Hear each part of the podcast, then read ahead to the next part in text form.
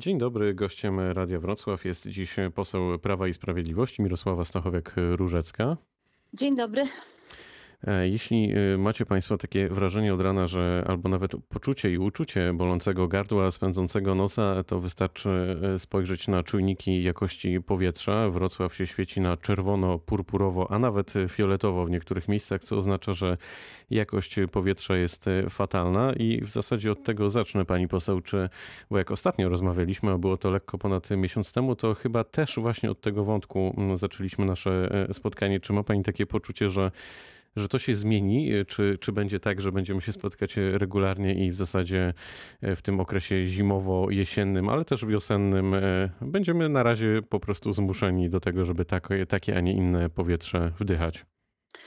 No ja ze swojej strony zrobię wszystko, żeby to się zmieniało. Oczywiście liczę, że przede wszystkim tym zajmie się samorząd wrocławski, prezydent e, Wrocławia. W końcu usłyszymy o jakimś konkretnym planie i naprawdę dużym również zaangażowaniu finansowym. No, no to mamy akcję Zmień strony, Piec. Tylko pytanie, no, ile jeszcze czasu tak, musi upłynąć? Rozmawialiśmy wiele razy. No, statystyka pokazuje, że jeżeli w takim tempie będziemy zmieniać, to nie, nie, nie doczekamy się za szybkiej zmiany powietrza we Wrocławiu. Ale okej, okay, to są jeszcze programy rządowe, to są środki unijne i oczywiście w tym zakresie mm, liczę, jestem przekonana, że będziemy współpracować i że wrocławianie właśnie na te transze i na y, walkę ze smogiem z, ze strony pomocy rządowej i środków unijnych będą mogli liczyć. To jest na przykład wymiana autobusów, prawda? To jest na przykład, to są inwestycje w komunikację komunikację publiczną, no to wszystko musi się we Wrocławiu zadziać, żeby było lepiej.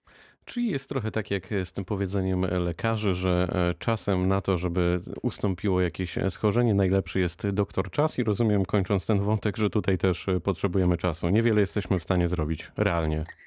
No nie, no moim zdaniem przy dobrej współpracy rzeczywiście mieszkańcy mogą w ciągu kilku lat najbliższych odczuwać zmiany. No to są, to jest, to są te środki unijne, o których właśnie teraz y, dyskutujemy i które wpłyną do Polski i będziemy je realizować w ciągu kilku najbliższych lat. I tutaj potrzebna jest współpraca.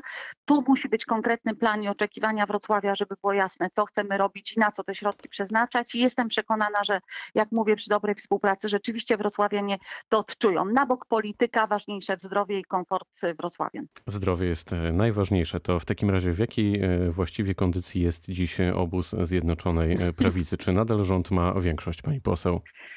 No rząd ma większość. Oczywiście y, docierają do państwa informacje, że dyskutujemy, że są spory, że w niektórych sprawach się nie zgadzamy, ale jednak liczę i ufam, że wszyscy, którzy się w ten projekt Zjednoczonej mm, Prawicy zaangażowali, rozumieją, że na ten czas dziś dla Polski nie ma lepszego i wszelkiego rodzaju jakieś indywidualne, e, indywidualne pomysły, czy emocje, czy, mm, czy tego rodzaju y, prawda, sprawy muszą być odłożone na bok, bo nie ma w tej chwili lepszej alternatywy dla Polski Polski. Ja mam nadzieję, że to wszyscy rozumieją. Jeśli nie, to w najbliższym czasie ich do tego przekonamy. Potrzebujemy stabilizacji, potrzebujemy współpracy.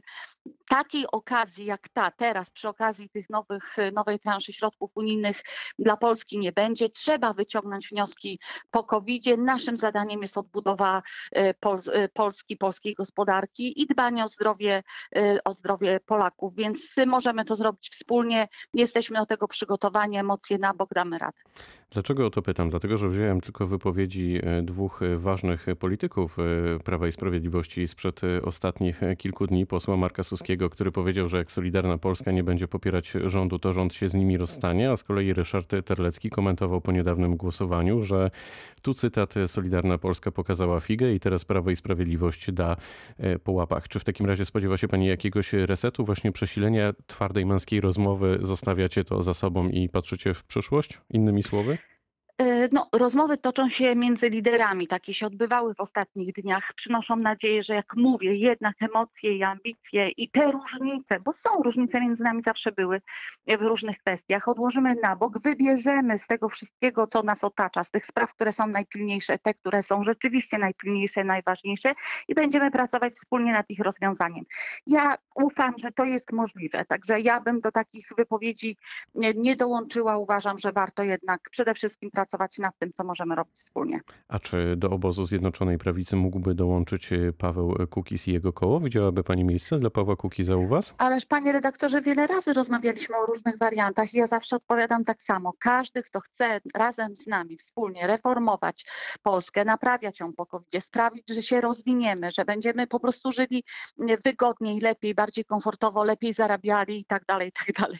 Oczywiście, że dla niego drzwi do, y, do Zjednoczonej Prawicy, do, naszego, mm, do naszej drużyny są szeroko otwarte. Także ja naprawdę tutaj absolutnie ufam, że jest to możliwe i, i, i widziałabym Pawła Kukiza w naszej drużynie. O proszę, i to jest konkret. Paweł Kukiz mówi o tym, że możliwy jest transfer wtedy, gdy y, uda się przeprowadzić projekt sędziów pokoju. Czy pani by zagłosowała za takim projektem? To znaczy mówimy teraz ogólnie, oczywiście musielibyśmy porozmawiać również no jasne, o szczegółach. No to nie mamy czasu, o tych tak. szczegółach mhm. tak, ale o tych szczegółach oczywiście mm, rozmawia Paweł Kuki z liderami Zjednoczonej Prawicy. Co do zasady jestem, y, ja co do zasady ten pomysł y, popieram. Myślę, że kiedy uzgodnimy go w szczegółach, będzie możliwe go wprowadzenie. Także na mój głos w tej sprawie można liczyć. No to mamy konkretne, e, ko kolejny konkret o poranku. Mhm. Kolejny dzień niestety notujemy w Polsce Polsce wzrosty zachorowań. Jaki pomysł na dalszą walkę z pandemią ma rząd? Czy powinniśmy na przykład jako Polska pomyśleć o uruchomieniu produkcji szczepionek w naszym kraju?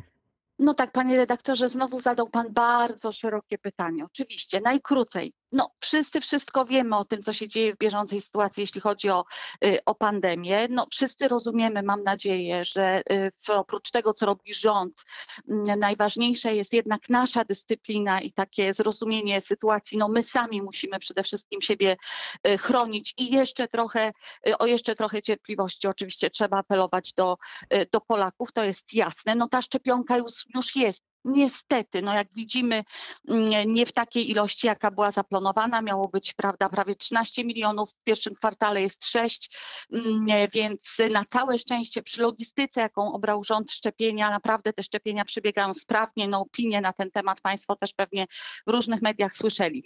A inny problem, którego Pan dotknął, to co pandemia przy tej okazji obnażyła, prawda? Czyli na przykład, no już mieliśmy swego czasu z lekami taki problem w Europie, że te łańcuchy dostaw zaczynają się w Azji, że jesteśmy uzależnieni od pewnych rzeczy i trzeba z tego wyciągnąć wnioski. Nie wiem, jakie wnioski wyciągną inne kraje, ale my na pewno będziemy inwestować. To już premier zadeklarował właśnie między innymi e, w kwestie związane z medycyną, z unowocześnianiem medycyny i właśnie w produkcję leków w Polsce. Także to jest moim zdaniem jeden z podstawowych, istotnych i bardzo dobrych wniosków, który płynie z pandemii. Profesor Andrzej Horban, główny doradca premiera do spraw COVID-19, powiedział, że stoimy przed faktem znacznego wzrostu zachorowań. Jak dodał, optymistyczny scenariusz przebiegu trzeciej fali zakłada około 20 tysięcy zakażeń, pesymistyczny o połowę więcej. Czy powinniśmy w takim razie iść w kierunku twardszego lockdownu, czy próbować otwierać kolejne dziedziny naszego życia? Czy tak trochę balansować jednak? No balansować, wydaje się zbalansować. Natomiast oczywiście zresztą widzimy ten pomysł, że już nie wprowadzamy obostrzeń w całym kraju, tylko jednak punktowo w tych województwach, gdzie rzeczywiście to zagrożenie jest większe, że rozważamy jednak rozluźnienie w niektórych dziedzinach, no, że obserwujemy, co się dzieje w szkole po tym, jak dzieci poszły do szkoły. No, cały czas szczepimy, to wszystko oczywiście, y, to wszystko oczywiście ma, y, ma znaczenie. Ja rozumiem, że wszyscy jesteśmy zmęczeni, naprawdę, ale też obserwuję rozluźnienie u ludzi. No, idę ulicą, jadę pociągiem i widzę, że ludziom się wydaje, że to już ich nie dotyczy.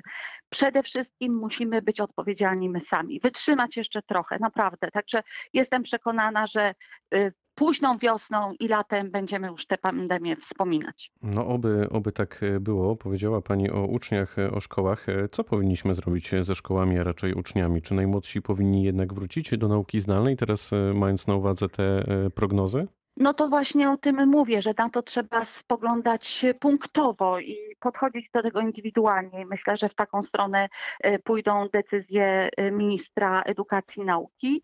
E, natomiast oczywiście dziś absolutnie priorytetem i najważniejsi są uczniowie, którzy są w tych rocznikach przełomowych, prawda? Koniec podstawówki, egzaminy, matura, egzaminy. No od tych egzaminów zależy ich przyszłość. I dziś powinniśmy całą uwagę kierować przede wszystkim na organizowanie nauki dla nich. Jacek Sutryk, prezydent Wrocławia, ogłosił powstanie nowego stowarzyszenia samorządowego. Projekt współtworzy prawie 50 włodarzy dolnośląskich gmin. Czy pani zdaniem w Polsce tej takiej lokalnej idzie nowe? No to wszystko już było, prawda? Już różni prezydenci, różni samorządowcy zakładali tego typu ruchy czy partie. Ja przyznam, że zupełnie tego nie popieram i nie rozumiem. No sami mówili w trakcie wyborów, no Sutryk mówił, że jest bezpartyjny, a tymczasem sam zakłada partię. No to jest niewiarygodne. Ja jednak oczekiwałabym od samorządowców, żeby zajęli się sprawami mm, swoich mieszkańców, a jest ich sporo i w związku z COVID-em oczywiście też jest ich więcej i są trudniejsze do rozwiązania i naprawdę zajęli się tym, mm, do czego zostali wybrani wybrani i w jakich sprawach mieszkańcy im zaufali.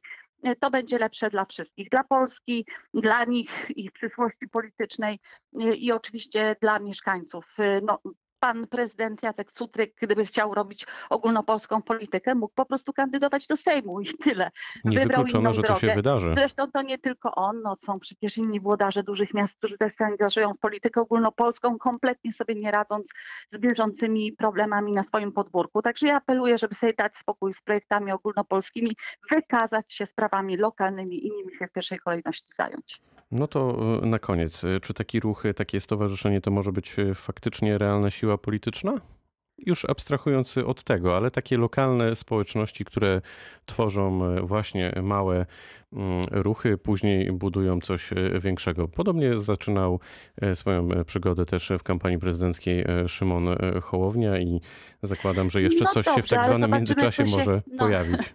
Zobaczymy, co się jeszcze z Szymonem Hołownią wydarzy i czy przetrwa rzeczywiście do kolejnych wyborów parlamentarnych. No w Sejmie też widzimy, w każdej kadencji jest jakiś nowy ruch, ugrupowanie polityczne i zwykle po jednej kadencji się kończy. Ja przypomnę, no różne były, prawda, te lepsze platformy się pojawiały obywatelskie w Sejmie z no, kadencji ruch na kadencję nowoczesna, oczywiście.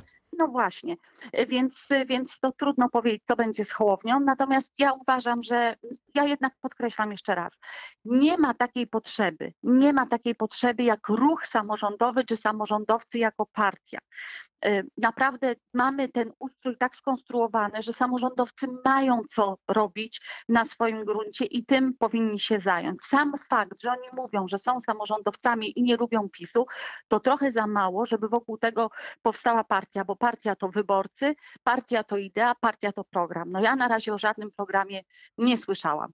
Zobaczymy. Ja jednak życzę panu y, y, Jackowi Sutrykowi, żeby we Wrocławiu docierał do serc i potrzeb wrocławian w pierwszej kolejności. No to niech to będzie puenta naszego spotkania. Poseł Prawa i Sprawiedliwości Mirosława Stachowiak-Różecka była gościem rozmowy Dnia Radio Wrocław. Bardzo dziękuję za spotkanie. Dziękuję, do usłyszenia. Pytał Dariusz Wyczorkowski. Dobrego dnia.